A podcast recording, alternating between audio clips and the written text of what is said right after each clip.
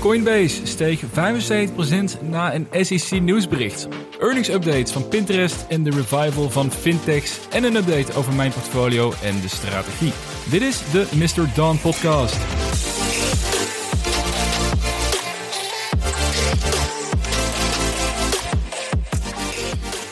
Welkom bij weer een nieuwe aflevering van de Mr. Dawn podcast, waar ik jou dus wekelijks hoop te vermaken en inspireren voor het beleggen in groeiaandelen. Mijn naam is Jasper en in deze aflevering gaan we het hebben over de volgende drie onderwerpen. We gaan zo meteen starten met Coinbase en ook met name welke impact nieuws kan maken op de koers en waar je op moet letten in dat geval. Dus dat is daar een, een hele interessante situatie, kwam daarbij langs. We hebben daarnaast wil ik een uitgebreide blik werpen op de Pinterest earnings. Dus daar gaan we het eerste deel van de aflevering eh, goed mee vullen. Daarna gaan we door traditioneel met de winnaars en de verliezers van dit earningsseizoen. In ieder geval van de afgelopen week. En deze week is met name de spotlight op de fintech-aandelen, die het uh, verrassend sterk hebben gedaan, zo blijkt maar weer. En afsluitend gaan we door met uh, mijn portfolio. Dus ik ga jullie een update geven. Het is al een hele tijd geleden dat ik dat gedaan heb. Dus tijd om daar weer iets over te vertellen. En ook een update van de strategie voor dit jaar. Dus veel verschillende aandelen om te bespreken in deze aflevering. Uh, bewust daarom geen aandeel op de radar deze week. Dat is natuurlijk een beetje traditie geworden de laatste twee afleveringen. Maar we hebben al zoveel aandelen te bespreken in deze aflevering. Dan uh, zou het al heel erg veel van het goede worden. Ook omdat we natuurlijk veel hebben over uh, omzetcijfers, percentage winst, dat soort zaken. Dat is best uh, vermoeiend, kan ik me voorstellen, als er te veel gebeurt in een aflevering.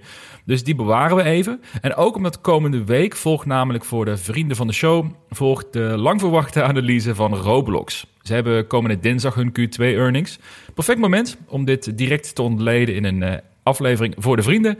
En ik hoop toen trouwens dat de connectie met de Vriend van de Show platform weer werkt. Ik kan, de afgelopen week kon ik niks uploaden, omdat ik van podcast host ben gewisseld. Daar ging er mijn eigen toedoen iets fout misschien. Maar uh, komende week hoop ik dat dat is opgelost. En dan volgt dus de analyse van Roblox. Maar voordat we starten met deze aflevering, de gebruikelijke disclaimer. Dit is geen financieel advies. Doe altijd je eigen onderzoek. Beleg alleen met geld dat je kunt missen. Dat uh, zullen we in het laatste onderdeel van deze aflevering, als we het hebben over mijn portfolio, zullen we, uh, zal ik dat nog eens een keer benadrukken, denk ik. En als je dit een toffe aflevering vindt en als je dit een toffe podcast vindt, deel dan met vrienden die ook interesse hebben in beleggen. En je helpt mij ontzettend om de podcast te volgen via Spotify of Apple Podcast en daar een score achter te laten. En ik zag trouwens, ik heb nog helemaal geen enkele geschreven review via Apple Podcast of via iTunes. Dus je kunt nu de eerste zijn. Als je twee minuten de tijd hebt om een mooi geschreven review achter te laten, nou, maak het positief zou ik zeggen. En uh, dan vind ik alles best wat daar geschreven wordt. We gaan starten. We hebben dus drie onderwerpen vandaag, veel aandelen om te bespreken. Dus laten we daar vooral snel mee van start gaan. En ik wilde starten deze week met uh, Coinbase en met Pinterest. Twee aandelen in mijn portfolio waar een hoop ontwikkelingen mee zijn. En maar ik denk ook interessant is om een paar dingen over toe te lichten. Over wat daar de afgelopen weken mee uh, aan het gebeuren is geweest. Om te beginnen met Coinbase. Coinbase heeft de afgelopen weken namelijk 75% koersstijging meegemaakt. Na nieuws over een SEC-onderzoek. Iets van twee weken geleden geloof ik kwam het nieuws naar buiten dat de Amerikaanse SEC uh, autoriteiten eigenlijk op gebied van uh, financiële instrumenten, dat zij onderzoek zouden doen naar Coinbase. Of dat zij een aantal crypto aanbieden die nou, misschien niet helemaal volgens de juiste regelgeving uh, verkocht mogen worden. Persoonlijk vind ik het eigenlijk wel positief dat de overheid kritisch kijkt naar het cryptolandschap. Vorige week verdeelde Twan iets over zijn verlies naar aanleiding van de Celsius-implosie. Is iets wat kan gaan gebeuren als er te weinig toezicht en regulering is. En wat mij betreft is de toezicht op de cryptomarkt, uh, mits er ruimte gegeven wordt wel om te, te, snel te blijven innoveren, is eigenlijk ontzettend belangrijk om uiteindelijk ook die massa aan te kunnen spreken. Maar naast natuurlijk dat het belangrijk is dat er dus onderzoek gedaan wordt, uh, liet het mij ook wel weer even nadenken over het effect van nieuws op de koers van bedrijven. Want één nieuwsbericht, wat ik dus als logisch ervaar, zorgde ervoor dat de koers van Coinbase met 20% daalde op één dag. Dus nog even een korte recap. Een paar weken geleden kwam de SEC dus met een nieuwsbericht dat zij onderzoek gaat doen naar, naar Coinbase. En die dag daalde Coinbase, volgens mij naar 15 dollar geloof ik, was een daling van 20% op basis eigenlijk van een, een aankondiging van een onderzoek. En dat vond ik best wel bijzonder eigenlijk. Uh, los van het feit wat ik net vertelde, dat ik het logisch vind dat de onderzoek gedaan wordt naar bedrijven zoals, zoals Coinbase. is iets wat mij daaraan opviel, is hoe snel, hoeveel waardering er dus uh, vanaf gesnoept kan worden door middel van een nieuwsitem. En nieuws dus daar zat ik over na te denken. Nieuws is vaak een korte termijn trigger. En dat kan zowel positief werken, maar dus ook negatief. En wat ik inmiddels wel gemerkt heb, zeker in een periode zoals deze, waar het toch behoorlijk volatiel kan zijn. De, de dagen dat de Nasdaq 2 of 3 procent stijgt of daalt, dat is eerder regel dan uitzondering tegenwoordig. Wat ik heb gemerkt is dat dit soort nieuws-events eigenlijk een ideaal moment zijn om van te profiteren. Eh, beide kanten op. Dus eh, als er een nieuws komt wat misschien heel erg overdreven positief is, of misschien niet helemaal klopt. Dus je kunt misschien denken aan een uh, geruchten over een acquisitie, of in ieder geval iets waardoor de, de, de, koers bijzonder hoog stijgt, zonder dat dat intrinsiek zeg maar vertegenwoordigd is vanuit het bedrijf zelf. Dan zou dat een moment kunnen zijn om echt winst te pakken. Uh, mits je dat iets is wat je bij je strategie hoort, dat je een beetje gaat afromen op basis van de winst die je dan kan pakken op dat moment. Uh, maar je kunt ook voor kiezen in dit geval als Coinbase dus daadwerkelijk daalt op basis van een nieuwsbericht, wat niet, dus niet heel veel impact maakt op het bedrijf zelf, of misschien heel weinig, of misschien helemaal geen impact maakt trouwens op het bedrijf zelf. Dat is ook een goed moment om te kunnen bijkopen. Dus in dit geval was het gewoon 20% daling op basis van een nieuwsbericht, wat geen invloed maakt op het bedrijf. Ja, en dan kun je daar natuurlijk wel goed van, uh, van profiteren. Het is natuurlijk alleen belangrijk om te beseffen, ja, hoeveel impact heeft nou een nieuwsbericht over het bedrijf zelf? Een onderzoek waar ik het net over heb, onderzoek van de SEC, eh, als je daar op basis daarvan 20% de koers daalt, ik denk dat dat puur een daling is op basis van angst vanuit beleggers. Dan heb je natuurlijk ook nog eens een keer met crypto dat het nog veel onzekerheid met zich meebrengt. Eh, veel mensen die er toch nog mee speculeren. Die denken dat crypto een, een, een boom is die ook net zo snel weer kan gaan verdwijnen. Nou, ik, ik denk dat dat iets is wel voor de langere termijn. Maar het is wel iets wat in het aandeel zit, waardoor dus mensen dus sneller geneigd zullen zijn om uh, eruit te stappen, omdat ze bang zijn dat het, uh, het einde in zicht is. Maar dan zie je dus ook dat aandelen zoals dit, waar dus wat meer speculanten in zitten, dat het dus heel snel kan dalen op basis van een simpel nieuwsberichtje. Maar dat is eigenlijk meer pure fear, of fear, unrest, doubt, hoe je dat, hoe je dat wil noemen, wat dan, wat dan ontstaat. Um, en dat is een kans. Aan de andere kant als er nou een nieuwsbericht zou komen waarbij zou blijken dat eh, Coinbase bijvoorbeeld eh, de, helft van de partnership stop moet zetten omdat het, het platform niet voldoet aan de regulering. En dat dat echt impact gaat maken op de omzet. Dat ze bijvoorbeeld misschien 30% omzet zouden verliezen in de komende kwartalen. Ja, dat is natuurlijk een heel ander verhaal. Dan, ga je een, dan zal je rekensom moeten maken op wat voor impact het heeft op de waardering van het aandeel. En of het dan daadwerkelijk goedkoper is of niet, ook na die 20% koersdaling. Nou, is hier helemaal sprake van geweest. Dus dit was een heel goed buy moment. En dat bleek achteraf bleek het ook wel weer. Want er was ook heel mooi nieuws voor Coinbase, die wel fundamenteel impact maakte. En dat is namelijk dat BlackRock, dat zij een partnership starten met Coinbase om via hen crypto te gaan kopen voor hun klanten. En dat is iets wat wel direct impact maakt voor het bedrijf, wat waarschijnlijk ook gaat bijdragen aan, uh, aan het tradingvolumes, wat dus ook weer omzet gaat verzorgen voor, voor Coinbase.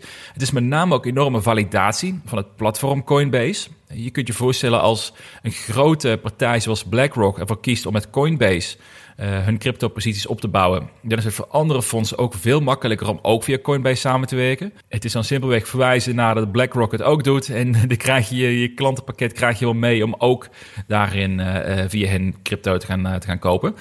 Dus dat is iets wat wel enorm impact maakt op het, op het bedrijf. En daardoor steeg de koers eigenlijk ook zo'n 15% geloof ik in de dagen erop. Heel kort ging die even naar 30 of 35% zelfs die dag. Maar dat, uh, dat kun je ook zien dat je ook weer te veel kan overdrijven met dit soort zaken. Maar het is wel een teken, uh, dat is iets waardoor ik dus wel juist voor zou kiezen. Om niet aandelen te verkopen, om winst te pakken dan in dit geval. Omdat het een fundamentele impact maakt op het aandeel. Het aandeel wordt daadwerkelijk sterker naar aanleiding van dit nieuwsbericht. Um, dus dat is wel iets waar ik meer over zit na te denken om daar misschien iets wat, wat speelser in te worden, laat ik het zo zeggen. Om mee te profiteren van momenten dat er uh, nieuws komt die niet echt fundamenteel impact maakt naar de benedenkant toe. Uh, of nieuws die juist wel fundamenteel impact maakt naar de bovenkant toe. Om te kijken of daar misschien een beetje mee te spelen valt. Ook qua, uh, qua traden op korte termijn. Maar anderzijds moet ik zeggen, ik heb een hekel aan traden. Omdat ik denk dat je daar... Ik heb daar in het verleden meer fouten mee gemaakt. Er geld mee verloren dan dat ik er geld mee gewonnen heb. Dus ik ben er wat sceptisch over. Uh, vanuit mij persoonlijk. Maar in ieder geval, als je het zelf zou overwegen om dus meer te gaan traden op basis van nieuws. of als je een aandeel hebt die eh, enorm omhoog of omlaag gaat op basis van een nieuwsbericht, zou ik eerst even een momentje rust pakken, stap achteruit zetten en kijken, wat is er nou echt aan de hand voordat je meegaat in dat sentiment? Dat is iets wat mij weer is opgevallen in ieder geval. Maar voordat ik zo meteen weer ga praten over de winnaars en de verliezers van de afgelopen earnings week, heb ik eerst nog een, een vrij uitgebreide mening over Pinterest. Uh, ze hebben afgelopen maandag een earnings call gehad. En in mijn beleving blijft Pinterest een van de minst begrepen aandelen in de sector van uh, social media en internet advertising aandelen. En ik merk dat Pinterest wordt nog steeds vaak vergeleken met Meta, uh, Snapchat, Twitter. Eigenlijk als een soort social media platform. En in de basis is dat het natuurlijk ook. In de kern van het woord social media platform. Uh, je zit er, het is een peer-to-peer platform. Je zit er content op die anderen kunnen bekijken, kunnen liken, kunnen delen. Dus en die ja, wat dat betreft snap ik het vergelijk natuurlijk wel. Maar wat weinig mensen weten is dat Pinterest een paar unieke eigenschappen heeft die geen enkel ander platform kent. En daardoor heeft Pinterest in mijn beleving simpelweg veel meer potentie om geld uit advertentieverkoop te halen dan die andere partij die ik zojuist noemde. De voornaamste reden is namelijk dat Pinterest een commercieel super interessante doelgroep bereikt. Met name vrouwen tussen de 25 en 55 jaar, hoog inkomen, veel invloed qua financiële beslissingen in het huishouden. Ja, dat is voor adverteerders echt ontzettend waardevol. Ook is de aankooppotentie, dus de kans dat een gebruiker direct vanaf Pinterest bereid is om te kopen, vele malen hoger dan bij alle andere social platforms. Nou, vergelijk ineens bijvoorbeeld met een Snapchat, eh, waar met name jongere mensen zitten die video's of foto's van vrienden willen bekijken. Eh, of een Facebook, wat meer een relatief oude doelgroep heeft, en waarbij advertenties eh, echt je ervaring onderbreken. Ja, dan heb je op Pinterest heb je een hele andere omgeving te pakken. Je komt er echt om geïnspireerd te worden uh, op gebied van interieur. Uh, misschien zoek je een nieuw recept of een uh, nieuwe, nieuwe stijl voor kleding. En daardoor sta je veel meer open voor advertenties, mits ze bij je passen. En daar ligt de kracht van Pinterest. En doordat zij vanwege hun bak en data echt uitstekend kunnen bepalen welke advertenties goed bij jou gaan scoren. En dat brengen ze ook op een manier wat heel natuurlijk aanvoelt met een hele visuele focus. En dat is niet alleen een, eh, een leuk verhaal om te vertellen. Het, kan, uh, het voelt misschien een beetje als marketingparaat. Uh, maar het blijkt ook daadwerkelijk het onderzoek, dat wat ik net vertelde, dat klopt. Want uh, wat leuk had vorige week ook met, met Pim Verlaan van Jong Beleg had ik een, een persoonlijke kennismaking staan. En we kennen elkaar qua Twitter al een, al een tijdje, eigenlijk sinds ik Mr. Don begonnen ben en hij zijn podcast start. Maar we hebben nooit echt met elkaar gesproken. En hij had daar wel een mooie, mooie uitspraak. Is namelijk dat aandelen, die, is altijd een combinatie van verhaal en cijfers. En ik denk dat dit Pinterest, dat dit ook een duidelijk voorbeeld is van een verhaal, wat ik net vertel, wat je wel moet kunnen onderbouwen met cijfers. En, uh, en dat kan ik. Want uit onderzoek blijkt namelijk dat Pinterest veruit van alle social platforms het meest effectieve platform is voor return on advertising spend. Uh, oftewel, voor iedere euro die een adverteerder erin steekt aan advertenties, geeft Pinterest jou de meeste opbrengst terug. Dus mijn verhaal van zojuist wordt ook gewoon feitelijk onderbouwd op basis van, uh, van marktonderzoek. Dus met al die kennis in ons achterhoofd, weten dat Pinterest dus eigenlijk een super waardevol platform is voor adverteerders. Waar let ik dan op bij de earnings? Nou, veel beleggers kijken naar het aantal maandelijks actieve gebruikers. Uh, meer gebruikers is meer omzet in theorie. Uh, maar bij Pinterest vind ik één metric veel, veel belangrijker. En dat is namelijk iets wat veel sneller ook gaat leiden tot meer omzet. En dat is de ARPU. En dat is de Average Revenue Per User. Oftewel, hoeveel omzet doet ieder gebruiker per kwartaal opleveren in het potje van uh, de, grote Pinterest uh, geldmachine. En als dat stijgt, gecombineerd met het feit dat hun maandelijkse uh, gebruikers niet dalen, dat is voor mij de belangrijkste metric om ieder kwartaal op te letten als ik naar de Pinterest earnings kijk. Nou, waarom? Omdat Pinterest in vergelijking met al die andere social platforms daar gewoon nog ontzettend veel in te groeien heeft. Zal ik zo nog even verder toelichten. We laten eerst even kijken naar die Q2 earnings. Uh, Pinterest heeft namelijk een, eh, een redelijk kwartaal achter de rug. Een paar positieve aspecten, maar ook wel een paar mindere punten waar ik uh, wat minder enthousiast over word. Dus ik ben gematigd positief naar dit kwartaal. Misschien eerder neutraal, moet ik eerlijk toegeven. In ieder geval de resultaten op korte termijn. De omzet is met 8,6% gestegen ten opzichte van een jaar geleden. Niet veel. Ligt redelijk wel in lijn met de resultaten van andere digitale advertentiebedrijven in de afgelopen weken. De winst per aandeel, of de earnings per share, is wel iets gestegen ten opzichte van een jaar geleden. Dat is positief. Maar als we kijken dus naar de belangrijkste metric die ik net benoemde, ARPU en het aantal gebruikers, eh, daar zie ik wel echt positieve ontwikkelingen. De ARPU steeg 20% in de VS en Europa. En dat zijn toch de markten waar het, uh, waar het geld verdiend moet worden vanuit advertenties. En het aantal gebruikers is stabiel met de vorige twee kwartalen. Na een tijdje serieus gebruikers te zijn verloren, lijkt het nu op niveau dat Pinterest weer gaat gaan nadenken om te gaan groeien met hun users. Dus twee positieve signalen voor de toekomst. Maar laten we die ARPU-potentie eens onder de loep nemen. Ik, ik zei het net al, ik denk dat daar met name de ruimte ligt om, uh, om flink op te groeien de komende jaren. En ook dit kan ik onderbouwen met cijfers. Dus we hebben het verhaal en we hebben de cijfers. En ik heb er net al toegelicht hè, waarom Pinterest waardevoller is voor adverteerders dan andere social media kanalen. En dat is ook onderbouwd met, het, eh, met verhalen en cijfers. Dus neem ook even als uitgangspunt, uh, in, de, in de volgende punten die ik ga benoemen, neem even als uitgangspunt dat de ARPU van Pinterest daarom hoger zou moeten zijn of zou kunnen zijn uh, dan de andere social platforms, mits natuurlijk voldoende gemonetized gaat worden. Nou, de ARPU van Pinterest was in het afgelopen kwartaal 20% gestegen naar 1,54 dollar. De ARPU van Snapchat is ruim twee keer zo hoog, namelijk 3,20 dollar. Nou, daar moet Pinterest echt makkelijk aan voorbij kunnen komen. Dan heb je nog de ARPU van Meta, van Facebook en Instagram. En die is echt nog vele malen hoger, namelijk 9,82 dollar. Dat is echt, uh, echt heel hoog trouwens voor een internetplatform. En de kracht van Meta is dat hun advertentiemodel dus echt standaard onderdeel geworden van, uh, van de strategie van heel veel adverteerders. Het systeem dat ze hebben gebouwd is makkelijk te benutten. Ze hebben veel tijd, veel energie gestoken om merken echt met metaproducten aan de slag te laten gaan. Uh, hun manier hoe zij data benutten en advertenties is ontzettend slim. Ja, dus hun ARPU is daardoor echt uh, fantastisch. Ja, en dat zie ik Pinterest echt niet halen in de komende drie tot vijf jaar. Maar een ARPU tussen uh, ja, Snapchat en Meta in zie ik wel degelijk als realistisch. Nou, stel nou eventjes, we gaan een scenario schetsen dat Pinterest een gemiddelde ARPU kan halen van 3,20 dollar over uh, drie jaar tijd. Dat is hetzelfde niveau als Snapchat nu, een derde van Meta. Ja, en ik denk ook met de komst van de nieuwe CEO bij Pinterest, waardoor de focus veel meer gaat liggen op monetize van het platform, denk ik dat een, een scherpe stijging van de ARPU echt wel haalbaar is. Uh, het is wel progressief, maar het is wel het is haalbaar, denk ik, mits daar de focus op komt te liggen. Uh, tegelijkertijd weet Pinterest ook de komende jaren hun gebruikers licht te laten stijgen in die drie jaar tijd. Dus stel dat ze groeien van de huidige 433 miljoen gebruikers, dat ze groeien naar 480 miljoen. Ja, dat was hun toppunt tijdens de pandemie, zo'n anderhalf jaar geleden.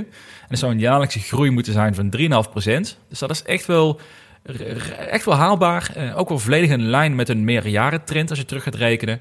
Nou, dit zou betekenen als je dus die 480 miljoen gebruikers hebt die ieder kwartaal 3,20 dollar per gebruiker binnentrekken, wat is zoals net besproken ook haalbaar zou moeten zijn. Dat zou dat betekenen dat Pinterest over drie jaar een omzet heeft van ruim 6,1 miljard dollar. Nou, vorig jaar, 2021, was er nog 2,7 miljard dollar. Dus je hebt het hier echt over een significante stijging over de komende jaren heen. En dat is optimistisch, met name het verdubbelen van de ARPU. Maar ik denk wel dus dat het mogelijk is. En met name dus door de focus op monetizen van hun gebruikers met de nieuwe CEO. Waardoor het eh, platform veel meer richting een social commerce platform gaat. Uh, daarmee wordt het nog meer onderscheiden van uh, typische social kanalen. Onder meer door de intensieve Shopify-samenwerking die ze nu hebben. En simpelweg het feit dat Pinterest tot op heden echt een, een vrij matig advertentiesysteem heeft. En ik reken gewoon erop dat dit de komende jaren gaat verbeteren dankzij die focus die ze hebben. Er is wel één puntje waar ik mij zorgen over maak. En dat is de ontwikkeling van de EBITDA-marge. Een van mijn redenen om in Pinterest te investeren was dat dit bedrijf een enorme groeipotentie heeft, maar ook omdat ze die groeipotentie konden combineren met winstgevendheid. En dat zorgt ervoor dat je sterk kan blijven investeren in een platform. Om uiteindelijk ook de potentie die erin zit, om die eruit te halen. Zonder dat je extra kapitaal voor op te halen of meer aandelen voor uit te geven, whatever. Dus dat is eigenlijk een hele sterke combinatie. Maar de afgelopen twee kwartalen zijn de EBITDA-marges best wel in elkaar gedonderd. Voorheen lag het rond de 30 en 40 procent. Maar de laatste twee kwartalen is er slechts 13 en 14 procent EBITDA-marge. En in Q2, afgelopen kwartaal, waren ze zelfs verliesgevend met 43 miljoen dollar. Dus dan moeten de komende kwartalen wel echt weer omdraaien. Dan moeten we positiever zijn, dan moeten we winstgevend worden. De EBITDA-marges moeten weer richting de minimaal 30% toe groeien. Want anders zou dat in potentie wel mijn ja, redenen kunnen zijn om mijn investering uh, overtuiging een beetje te ontkrachten. Dus wel iets om serieus rekening mee te houden. Ik ben niet getrouwd met Pinterest. Ik vind het nog steeds dat het enorme potentie heeft. Maar er zijn dus wel een paar dingen waar ik naar kijk. ARPU, niet te veel afname van gebruikers. maar dat is ook een winstgevendheid. En daar zijn EBITDA-marges een belangrijk onderdeel van. En dat is wel gewoon iets waar de komende kwartalen uh, groei in zichtbaar moet blijven. En daar ga ik wel vanuit. Dat is ook mijn reden om te investeren. Dus we gaan dat zeker serieus in de gaten houden voor de komende kwartalen. Tot zover Pinterest en Coinbase. Dan hebben we twee aandelen gehad voor deze week en nog een, heleboel aandelen om te bespreken in het komende onderdeel. Uh, straks ga ik je vertellen over mijn portfolio, over de update van het, van het jaar tot nu toe en uh, hoe mijn strategie er nog eruit ziet. Maar we gaan eerst kijken weer naar traditioneel de winnaars en de verliezers van de earnings seizoen. En natuurlijk degene die het, uh, die het afgelopen week hebben gepresenteerd. En deze week werd de glansrol ingenomen door de fintechs. Ik merkte namelijk dat ze eigenlijk over de hele breedte echt bijzonder sterke resultaten hebben geboekt uh, bij de fintechs. Dus als we kijken naar uh, SoFi bijvoorbeeld, die heeft behoorlijk wat te verduren gehad het afgelopen jaar, uh, maar heeft echt een uitstekend kwartaal achter de rug, waarin het qua omzet en EBITDA het beter heeft gedaan dan verwacht. En ze hebben zelfs een, een lichte verhoging van hun guidance voor 2022. En dat is echt een positief signaal. En ik denk wel als je kijkt naar fintechs in het algemeen, zijn de afgelopen maanden echt wel zwaar afgestraft. De koers zijn flink gesteken van heel veel fintech-bedrijven. Ook wel een stukje angst door stijgende inflatie, eh, misschien wel de zorg over recessies. Maar tot nu toe, als je kijkt naar de resultaten, blijkt dat dus allemaal eigenlijk wel mee te vallen. En dat is eigenlijk in de vorige aflevering trouwens ook al, hè, dat, dat heel veel bedrijven, die verwachten wel dat het wat, uh, wat rustiger wordt de komende kwartalen. Dat het misschien iets, ze houden een beetje een hand op de knip. Maar de meesten verwachten ook weer dat eind dit jaar en volgend jaar eigenlijk weer, uh, uh, weer een groei verwacht gaat worden. En zelfs de afgelopen week was de CEO van Starbucks, ze hadden ook een earnings, die zei ja, wij, merken er eigenlijk helemaal niets van dat uh, consumenten hun handen te knip houden. Dus zolang die signalen gedeeld worden, nou ja, en ook de fintechs dus dit soort resultaten blijven delen, maak ik me eigenlijk niet zo heel veel zorgen over de overall de economie. Maar goed, ik ben geen econoom, dus misschien zou ik dit vooral bij de korreltje zout nemen. Maar even terug naar de fintechs. Uh, SoFi, dus geweldige, of uh, geweldig, gewoon. Gewoon een goed kwartaal hebben ze achter de rug ook. Uh, beter dan, dan verwacht en daarin ook, denk ik, weer positieve signaal richting de beleggers. Maar daarnaast heb je ook Mercado Libre. Dat is een grote fintech en e-commerce speler in Latijns-Amerika. En ik vind die echt opvallend, want zij staan niet op mijn radar, moet ik eerlijk toegeven. Het is, ik ben sowieso, ik ken fintech, ken ik te weinig, dat, dat domein om echt in te durven investeren. Uh, ik heb wel een paar voorkeuren natuurlijk, maar doorgronden ervan vind ik gewoon ingewikkeld. Uh, vandaar dat ook dat een, bijvoorbeeld een Mercado Libre, waarom, ik het zo uitspreek is een tweede, waarom niet, niet in mijn radar staat. Maar wat mij opvalt, iedere keer als zij een earnings hebben, wordt Twitter helemaal wild over hun resultaten. En ze hebben echt, het lijkt alsof ze structureel overperformen. En dat is echt ontzettend knap. En ook dit keer was het weer zover een omzetgroei van ruim 52 procent. Eh, een forse overscore van een earnings per share. Nou ja, ik, ik moet er eens een keer uh, misschien wat dieper in gaan duiken in, uh, in dit aandeel. Want hier schijnt toch wel wat potentie in te liggen. Wel een ontzettend duur aandeel trouwens, daar niet van. Maar goed, als je 52% scoort en iedere keer de verwachtingen overtreft van de beurs, dan doe je ook wel iets goed. En dat, nou, misschien is dat wel een, een aandeel waar ik binnenkort een, uh, iets uitgebreider naar moet gaan kijken. En misschien een meer een bekendere fintech-speler, PayPal. Ja, die hadden ook behoorlijk goed nieuws om te delen aan de beleggers. Ook wel heel fijn trouwens, want het aandeel is behoorlijk afgestraft de, komende, of de afgelopen kwartalen. En dat, ik weet dat er veel beleggers zijn die in PayPal geloven. Dus voor hen is het ontzettend fijn te merken dat het de goede kant op gaat. Ja, de resultaten waren goed. Ik moet wel zeggen dat de verwachtingen natuurlijk ook wel relatief laag waren. Wat ook wel te zien is geweest in de koers van de afgelopen maanden. Maar ze hebben de beurs verrast door het eh, verhogen van hun earnings per share verwachting voor het hele jaar. Op iets minder omzet. Dus ze gaan eh, betere marges halen. Ook is hun free cashflow fors gestegen.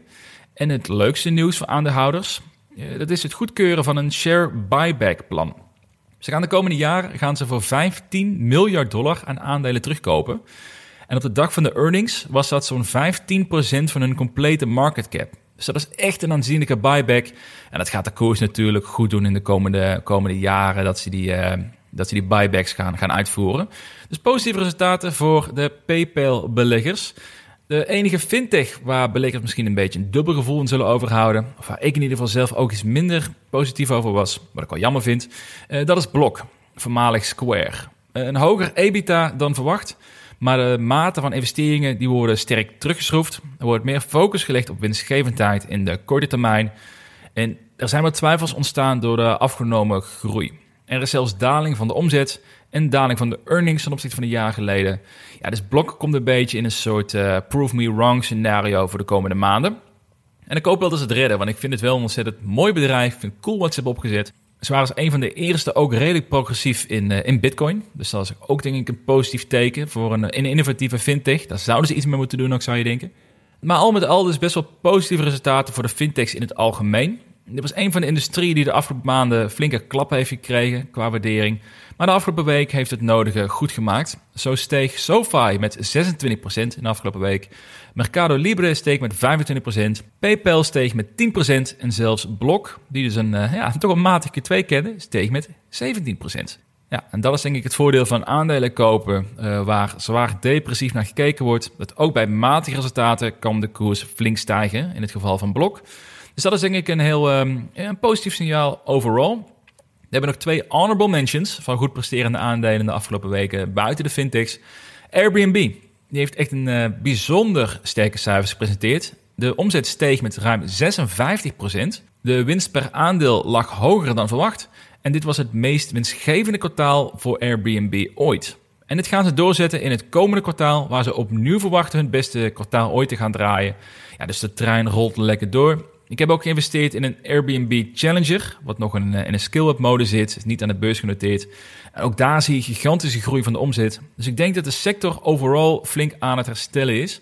Ja, en voor beleggers een mooi extraatje is dat zij voor 2 miljard dollar aan aandelen gaan terugkopen. Ze hebben een waardering rond de 75 miljard dollar.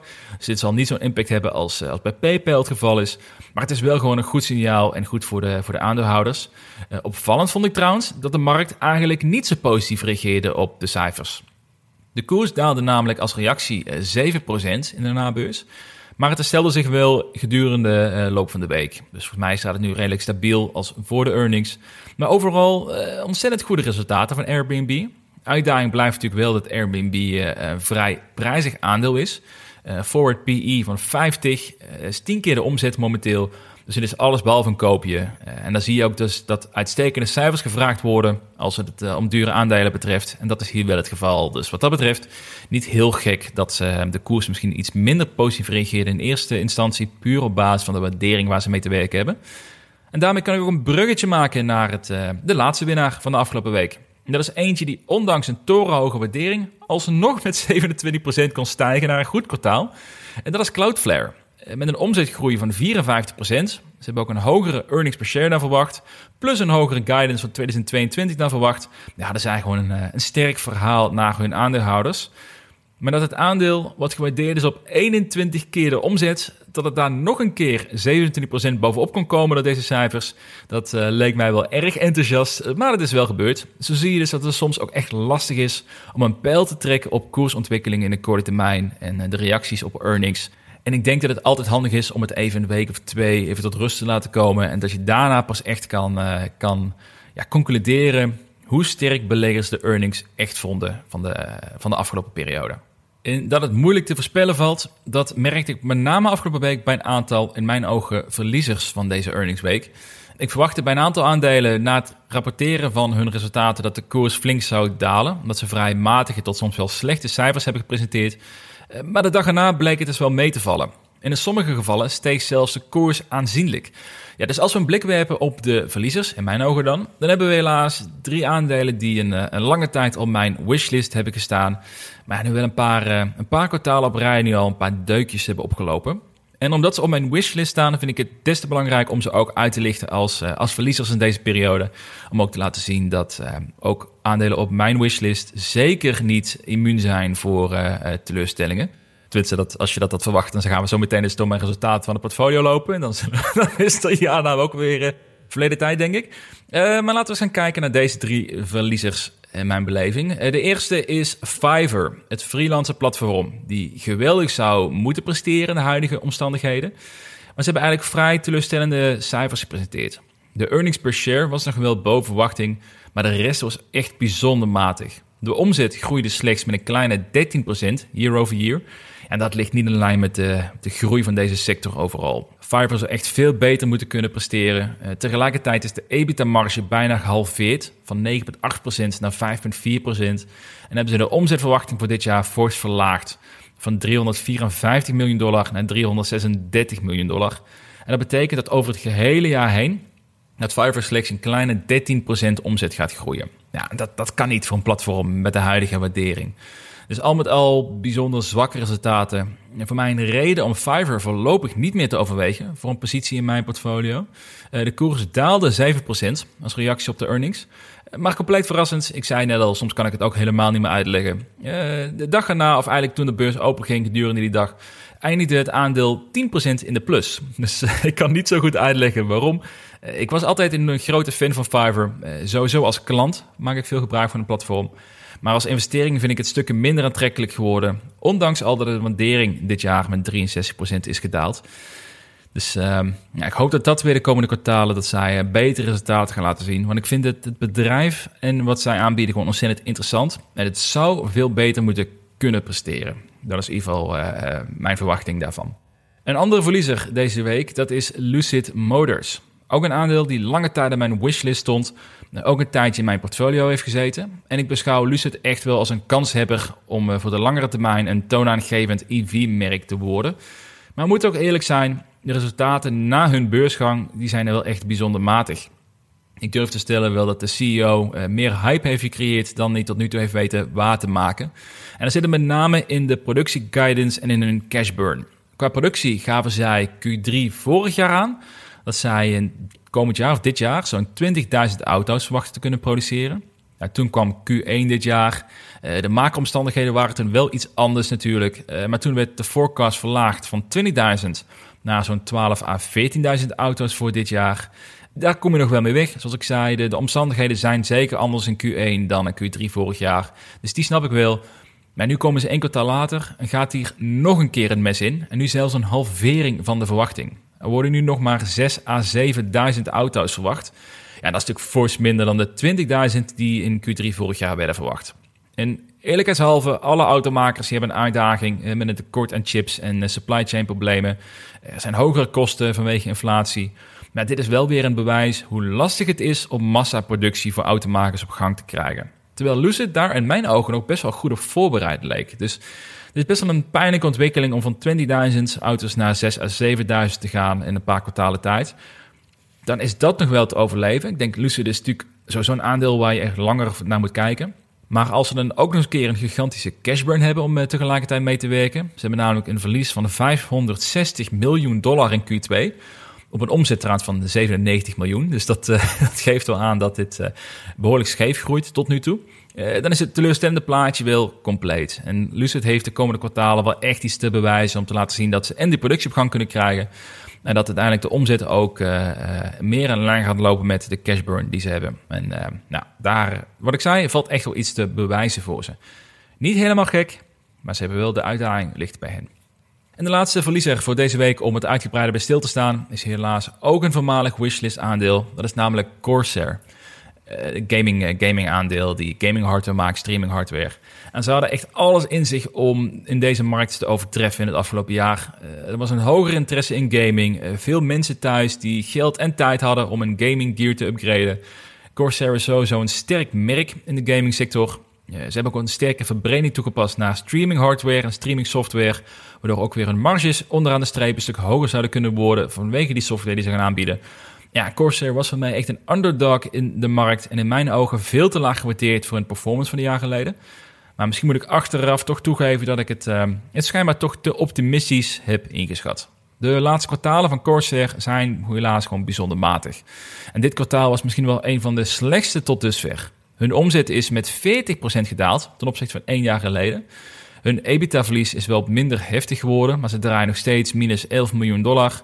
Uh, al verwachten ze dit jaar wel uiteindelijk 50 tot 65 miljoen dollar uh, EBITDA, zwarte cijfers te schrijven. Maar hun omzetverwachting voor heel 2020, dat, uh, ja, dat maakt eigenlijk het negatieve plaatje compleet. Ze, hadden namelijk, ze, verwachten, ze verwachten namelijk 1,4 miljard dollar binnen te halen dit jaar aan omzet. terwijl de markt een omzet had verwacht van 1,66 miljard dollar. Dus dat is echt wel een fors verschil. En is erbij ook nog eens een keer een omzetdaling van 36% ten opzichte van een jaar geleden. Ja, en zo wordt dit aandeel, ondanks een koersdalingen, stiekem toch steeds relatief duurder. Maar bovenal verliest dit aandeel het recht om zich als, uh, als groeiaandeel te noemen met deze resultaten. Ja, de Corsair moet echt fors aan de bak om het vertrouwen terug te winnen. Ja, een 36% daling van de omzet van een jaar geleden, dat is echt, uh, dat is echt, echt fors. En daar moet ze echt mee in de bak. heb ik ook nog twee honorable mentions voor de verliezers. Zoals ik zei, veel aandelen om te bespreken deze week. Maar dit zijn er twee die regelmatig terugkomen in mijn in een podcast rondom de earnings season. Dus ik wilde daar niet te lang bij stilstaan. Eén daarvan is Virgin Galactic en de andere is Beyond Meat. Virgin Galactic ja, blijft in mijn ogen echt een speeltje voor rijke lui. Het is een aandeel die met name gebaseerd is op hype, of misschien beter zeggen, een, een droom om even kort in de ruimte te kunnen zijn. Maar het is een businessmodel volledig gebaseerd op overgewaardeerde tickets voor een korte tocht. Echt net hoog genoeg om officieel gezien te worden als de grens waar de ruimte begint. Nou, fantastisch. Uh, en ik zie ook niet gewoon de kans om hun, hun productaanbod uit te breiden. Dus het zal altijd een soort niche spelen blijven worden voor rijke luispelers. Uh, een relatief kleine groep mensen uh, die de interesse in hebben en het kapitaal daarvoor hebben.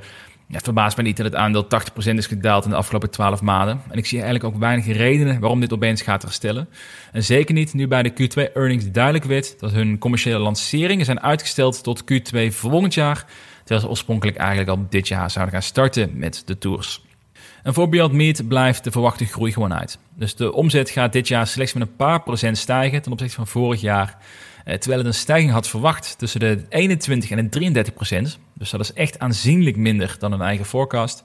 En hun EBITDA-verlies, ja, dat blijft gewoon gigantisch. Bijna 69 miljoen dollar, wat bijna de helft is van hun totale omzet van het afgelopen kwartaal.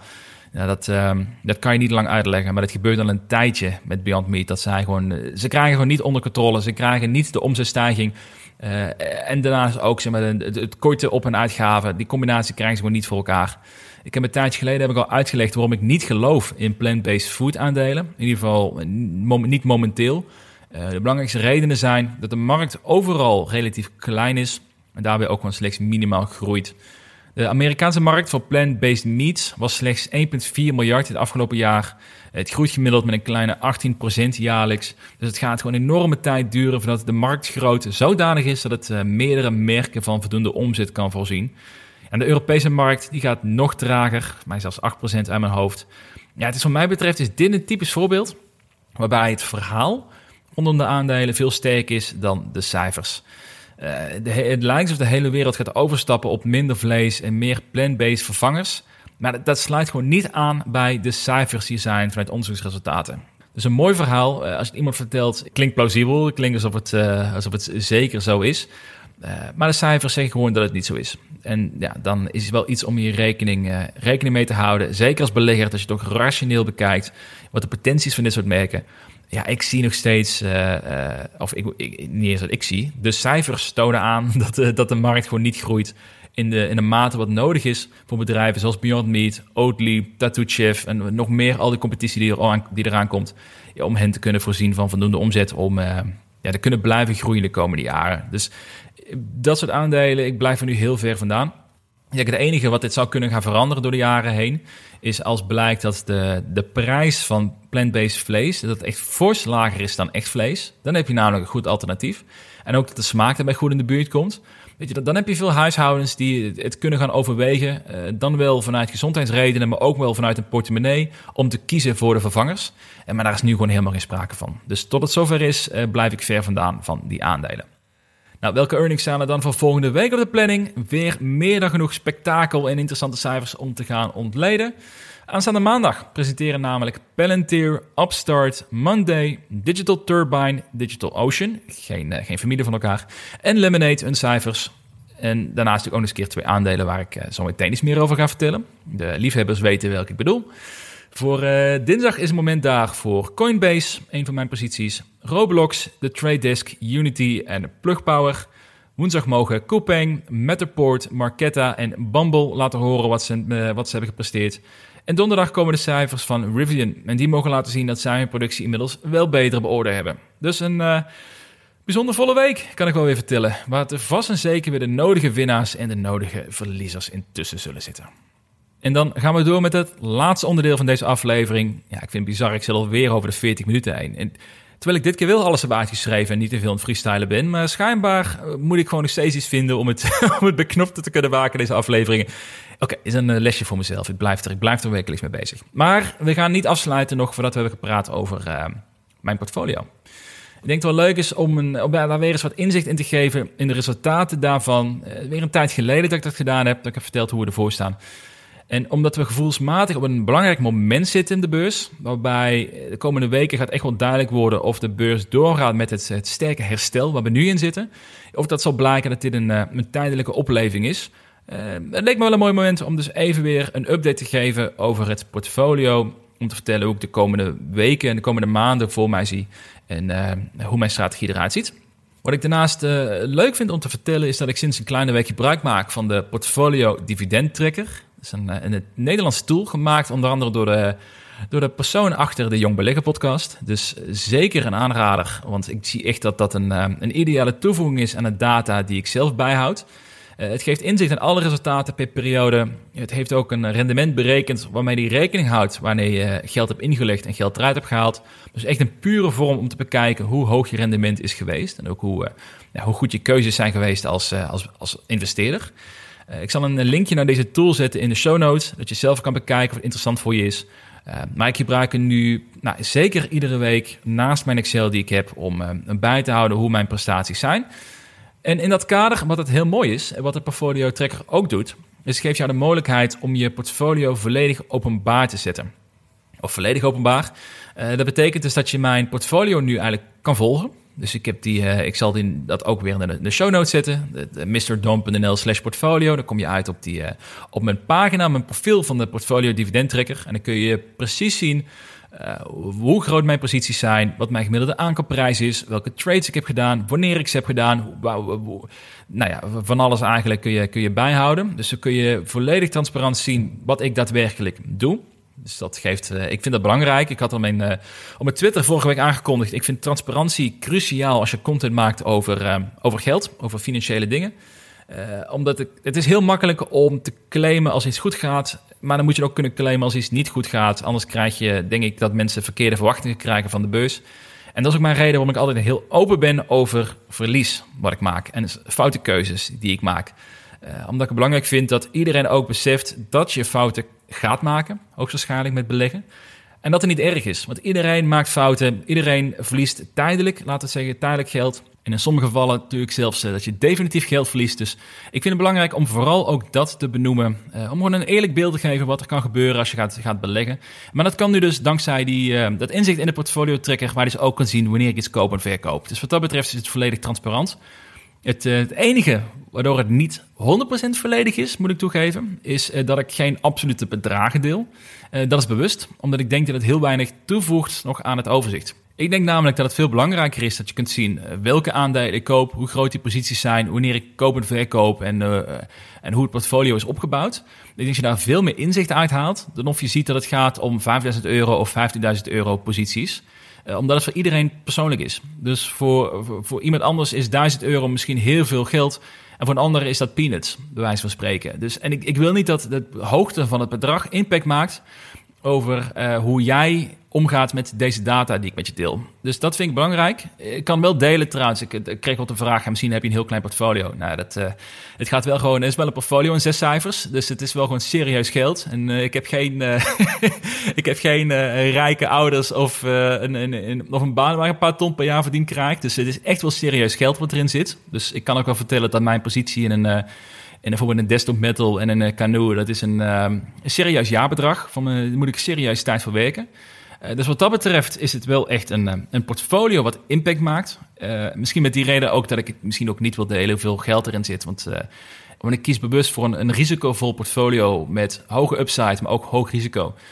Misschien ben ik nu nog comfortabel, zou ik nu redelijk comfortabel zijn om het bedrag te delen. Maar als ik straks boven de miljoen zit, dan, uh, waar we vanuit gaan natuurlijk, dan uh, gaat het dan meteen een heel stuk minder comfortabel worden, denk ik. Dus dat is ook eens een berekening mee te houden. Dus in ieder geval, dan weten jullie dat alles transparant te volgen is. Maar waarom ik dat dus nog, uh, nog niet helemaal deel. Even door naar de resultaten. 41% in de min dit jaar. Nou, dat is, een lekkere binnenkomer, hè? Uh, vergeleken met de Nasdaq, die staat op min 10% dit jaar, is hij natuurlijk een enorme underperformance. Maar dit hoort ook dus bij de gekozen strategie die ik heb bij, uh, bij mijn portfolio. Ik ga omlaag met de lift, maar ik ga ook omhoog met de lift.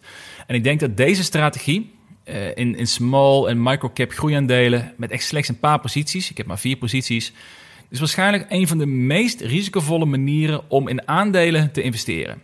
Het is misschien net iets minder gek dan uh, al je geld inzetten in uh, korte termijn opties op uh, GameStop bijvoorbeeld. Of dat je een cryptomunt zoals Dogecoin koopt waar je al je geld in zit. Dat is, nou, dat is echt gokken eigenlijk. Maar dit is in mijn beleving zwaar geconcentreerd, hoogrisikovolle investeringen, maar wel met een gedachte erachter. Maar het is wel iets wat niet voor iedereen natuurlijk een, een strategie is die past. Dus om je gevoel erbij te geven, ik, ik zei al min 41% rendement dit jaar. Maar als je kijkt naar bijvoorbeeld de afgelopen maand, ik ga even heel snel kijken wat ik daar nu op heb, uh, op staan. In de afgelopen maand is mijn portfolio met 34% weer gestegen. Dus, en dat zijn swings die best wel uh, standaard zijn. Dus als ik kijk naar de afgelopen maanden, en dat is wel heel lekker bij, dat, uh, bij die trackers, dat je echt op maandniveau kan zien wat de prestaties zijn geweest. Ja, ik, ik zit gewoon gemiddeld tussen de min 50% en wat is het? Of min 30% en de plus 30% per maand. Dus dat, geeft me aan hoe ontzettend wild mijn swings zijn in mijn portfolio. Uh, het is bijna crypto-achtig qua, qua swings. Dus wat dat betreft, uh, zoals ik zei, het is zeker niet voor iedereen uh, bedoeld om deze strategie aan te houden. Ik denk dat 99% van de mensen het beter zouden doen om ook wat ETF's eraan toe te voegen. Of om minimaal een wat breder portfolio aan te houden. Maar goed, ieder zijn stijl en dit is, dit is mijn stijl. Nou, waarom kies ik dan toch voor deze strategie? Dit is iets wat ik de afgelopen twee jaar echt wel heb, heb, heb geleerd aan mezelf en heb ik, wat ik heb ontdekt. Ik vind het ontzettend belangrijk om te kunnen investeren in aandelen die ik echt begrijp. En waar ik praktisch dagelijks mee bezig kan en wil zijn. Waardoor ik dus ook gewoon een, redelijke scenario schets kan maken over de, de toekomst van die aandelen. Het is een Canoe en Desktop Metal, die volg ik echt dagelijks op de voet. Ik lees alles over wat er over die twee bedrijven gebeurt. Ik hou de markt erbij. Ik weet hoe groot gemiddeld de 3D-markt groeit. Ik weet hoe het zit met de, ja, de subsidies in Amerika voor elektrische voertuigen en wat daar de status van is. Uh, ik weet hoe desktop metal groeit ten opzichte van de markt en wat hun, wat hun ambities zijn in 2025 en 2030. Ik ken al die cijfers uit mijn hoofd. En dat betekent dus ook dat ik daardoor gewoon heel snel kan inhaken als de koers daalt op basis van, uh, van nieuws, wat misschien minder impact maakt dan wat de meeste beleggers denken. Om weer terug te komen op het, uh, hetgene wat ik begin deze aflevering benoemde. Maar dat zorgt er wel voor dat ik in mijn ogen daar gewoon een, een, edge heb om te weten wat er met die twee aandelen gebeurt. Dat betekent niet meteen dat dat een, uh, een goede keuze gaat zijn. Het zou echt wel kunnen gebeuren dat Canoe of Desktop Metal over vijf jaar tijd misschien zelfs wel failliet is. Of, of dat het nog minder waard is dan wat het op dit moment is. Maar dat maakt niet uit. Dat is ook onderdeel van mijn scenario's zoals ik die heb, heb uitgeschreven. Nou, daarnaast heb ik Coinbase. Die gebruik ik als onderdeel eigenlijk continu van mijn Web3 ambities ben ik de hele tijd mee bezig en ik benut het platform ook uh, regelmatig. Dus daar weet ik ook heel goed wat ze, mee doen, wat, wat, ze aan het doen zijn, maar ook hoe de toekomst eruit zou kunnen zien van Coinbase. Um, en Pinterest, dat hoort gewoon in mijn vakgebied, waar ik al tien jaar in werk. En dat maakt het ook voor mij mogelijk om inschattingen te maken waar de potentie ligt van een aandeel. He, zoals bij Pinterest, waar heel veel beleggers kijken naar het aantal maandelijkse gebruikers, heet ik veel meer waarde dan andere metrics, zoals ARPU, eh, om te bepalen of het bedrijf de juiste kant op gaat. Het afgelopen jaar is me echt duidelijk geworden hoe ontzettend belangrijk dit is. Uh, en als ik één learning heb om met je te delen, uh, op basis van mijn uh, ervaringen tot nu toe, ja, dan is dat om te investeren in aandelen die je echt fundamenteel begrijpt en die je ook fundamenteel kan volgen. En er zijn misschien wel aandelen die qua waardering super interessant lijken op korte termijn. En dat kan dan een prima aanvulling zijn op je portfolio. Ik heb ook echt wel een keer weer aandelen kopen die ik gewoon zwaar ondergewaardeerd vind, maar daar waar ik misschien maar een, jaartje in zou willen zitten of misschien iets minder goed begrijp. Eh, maar de focus, de kern van je portfolio, dient denk ik wel te liggen op aandelen waar je echt van de hoedende rand van weet. En als je daar wat minder, eh, minder tijd voor hebt of je voelt je iets minder zeker om die beslissingen te maken, dan is het natuurlijk veel logischer om een groot deel meer in ETF's te stoppen. Uh, want daar hoef je dus niet zelf na te denken daarover. Maar heb je dat wel? Heb je wel een bepaald specifiek marktgebied waar je heel veel van weet? En misschien ben je heel slim in fintechs, uh, begrijp je de wereld heel goed. Misschien zit je heel goed in de retail sector. Misschien, zoals in mijn geval, online advertising platformen waar je steken zit. Maak gebruik van die kennis die je hebt. Want dat is iets wat de, generieke markt niet heeft. En dat is iets waar jij kan benutten als individuele investeerder. En dat is iets dus daarom ook wat ik dus uh, maximaal wil benutten door middel van een klein portfolio aan te houden. Nou, een tijdje geleden heb ik aangegeven dat ik wil uitbreiden naar 10 posities. En inmiddels is dat iets veranderd. Of in ieder geval, ik heb nog steeds maar vier posities. Terwijl mijn ambitie was dus om al een, al een tijdje eigenlijk uit te bouwen. En de reden daarvoor, ik belangrijk om dat ook te updaten. Uh, de reden daarvoor is omdat er nu lage waarderingen zijn van mijn hoogste overtuigingen. En nogmaals het belang van wat je bezit. En ik ben er echt achter gekomen dat ik sowieso maximaal 10 aandelen wil bezitten. Omdat het anders echt te intensief wordt om goed te volgen. Uh, dan, kan ik echt beter in ETF's gaan, uh, gaan zitten, is mijn overtuiging. En er moeten ook aandelen zijn waar ik sterk in geloof. Want een euro in positie nummer 6 van het portfolio is ook weer een euro minder in mijn grootste overtuiging. Dat maakt de portfolio wel iets afhankelijker van één of twee posities. Uh, zoals nu Canoe en Desktop Metal maar 75% zijn, geloof ik, van mijn totale portfolio. Dus uh, als een van de twee daalt, dan uh, is het onmogelijk om te compenseren met de andere. maar de voordelen ervan moeten we echt opwegen tegenover de nadelen. En ja, zoals ik net al zei, ik moet het aandeel heel goed snappen. Het, het moet niet zomaar een verbreding zijn van het portfolio dat ik, met, dat ik mijn geld stop in diegene waar ik minder overtuiging in heb en moet iets toevoegen. Uh, ook zijn er een paar aandelen op het strafstoeltje terechtgekomen. Zo uh, zal ik het even netjes noemen. Uh, stond heel lang op mijn lijst, ook lang in mijn portfolio gezeten. Heeft mij in Q1 echt tegen de haren ingestreken. En heeft in Q2 ook nog steeds niet laten zien dat het echt beter gaat. Dus Teladoc blijft voorlopig op een strafstoeltje. Unity blijft een bijzonder duur aandeel. Heeft wel, je zou wel kunnen zeggen dat, ze, dat er veel potentie in zit. Ook met de stap met, de, met het metaverse, waar heel veel gaat gebeuren. En met gaming, die industrie groeit nog steeds enorm. Maar het, uh, het is pas onlangs op mijn uh, strafstoeltje terechtgekomen. Omdat ze een bijzondere gekke move hebben gemaakt. Door 2,5 miljard aan share buybacks goed te keuren. Bij andere situaties waar ik het in de midden van de aflevering over gehad. Met PayPal bijvoorbeeld, die, die dat doen ook. Um, en met Airbnb vond ik het positief. Maar het verschil met Unity is dat dat twee aandelen zijn die gewoon sterk winstgevend zijn, een hoge free cashflow. Die kunnen zich verantwoorden om uh, hun, hun, aandeelhouders te belonen door middel van share buybacks. Unity draait gewoon nog steeds enorme verliezen. Ze moeten flink blijven investeren om hun groei vast te houden. Uh, hun groei is oké, maar het moet echt veel hoger. En die potentie is er ook om hoger te gaan. Ja, en dan ga je niet 2,5 miljard van je, van, je, van je geld investeren in share buybacks, wat nul waarde toevoegt aan het bedrijf zelf.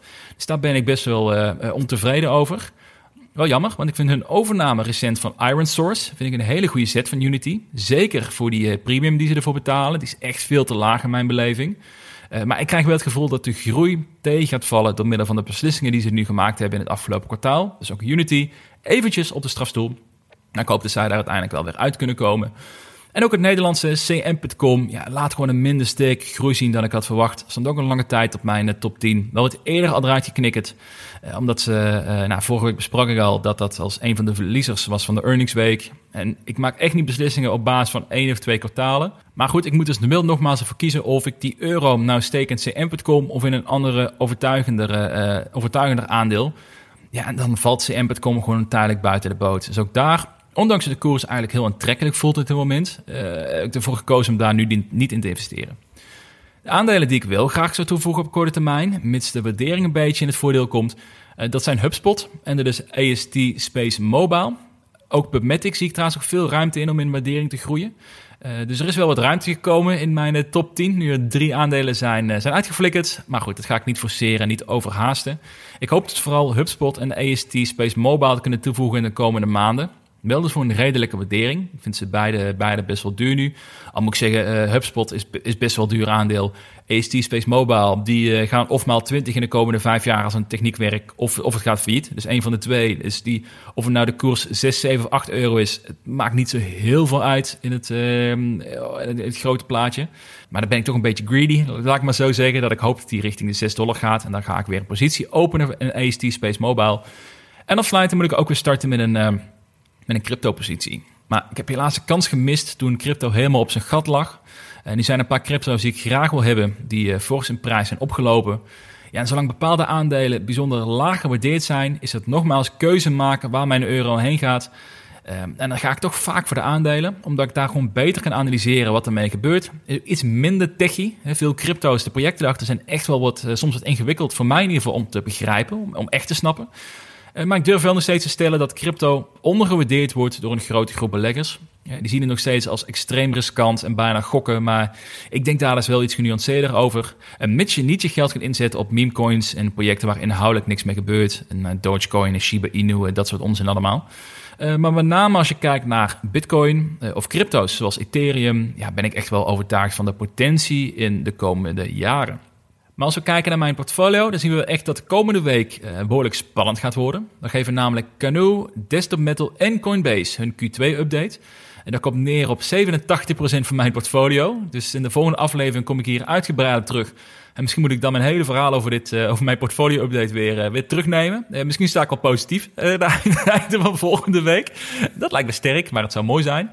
maar voor Canoe en Desktop Metal verwacht ik eigenlijk niet zo heel veel spannende ontwikkelingen. Canoe heeft al behoorlijk wat nieuws met ons gedeeld. onder meer de Walmart-samenwerking. dat het Amerikaanse leger hun platform gaat testen en analyseren. En ik ben met name benieuwd of hun productieguidance voor dit jaar overeind blijft. Ze hadden aangegeven 3.000 tot 6.000 auto's te verwachten te kunnen leveren dit jaar. Maar ja, zoals ik al, al eerder heb gezien in deze aflevering, het, eh, vrijwel alle automakers zijn hun verwachtingen aan het terugschroeven.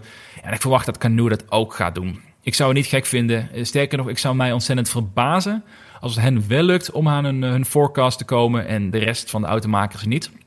Dus daar reken ik wel op een klein, een klein dipje, in ieder geval een sentiment van korte termijn. En voor Desktop Metal ben ik met name benieuwd naar hun cash burn, hun pad naar winstgevendheid in 2023, wat hun eigen ambitie is, eh, maar ook met name hun omzetguidance. Ik heb het vermoeden dat qua verliesgevendheid dat hoger gaat zijn dan analisten verwachten, maar ook dat de omzet hoger gaat zijn. Dus een beat op omzet, een miss op earnings per share en misschien stiekem een verhoogde guidance voor dit gehele jaar. Dat is mijn verwachting voor Desktop Metal. En voor Coinbase daarentegen verwacht ik wel een klein bloedbad in de komende week. Mooie term trouwens, ook een bloedbad in het, eh, als het gaat om aandelen. Uh, tradingvolume is flink afgenomen in Q2. Uh, eh, sindsdien is crypto wel aan het herstellen geweest. Zijn de volumes ook weer ietsje hoger. Maar ja, Q2 was gewoon dramatisch. En ik denk dat Coinbase negatief gaat verrassen met een, een groter verlies dan verwacht. En ook niet willen afgeven van een guidance voor dit jaar. En gecombineerd met het feit dat de koers 75% is gestegen de afgelopen paar weken, is de kans best groot dat de koers een scherpe terugval gaat krijgen na die earnings. Eh, maar we gaan het meemaken. Het heeft geen impact op mijn beslissingen. Maar ik zeg het alvast, het zou mij niet verbazen als de dag na earnings de koers 20% of 25% of iets gaat dalen. Dus dat uh, wil ik alvast uh, bij deze voorspeld hebben. En dan gaan we de volgende aflevering zien of het klopt. Dus wat dat betreft, meer dan genoeg spannende dingen voor de komende week. Dus daar ga ik jullie uitgebreid natuurlijk over bijpraten in de volgende aflevering. We gaan afronden. Ik zei het al, volgende week komt de analyse van Roblox voor de vrienden van de show en uh, wordt gepubliceerd. Er gaat veel gebeuren met het portfolio, dus ik ga jullie op de hoogte houden. Volg mij via Twitter, Mr. Dornanel, voor dagelijkse updates. Of om te horen als ik heel verdrietig ben als de earnings van deze drie aandelen komende week bijzonder slecht zijn. Dankjewel voor het luisteren weer en graag tot de volgende aflevering.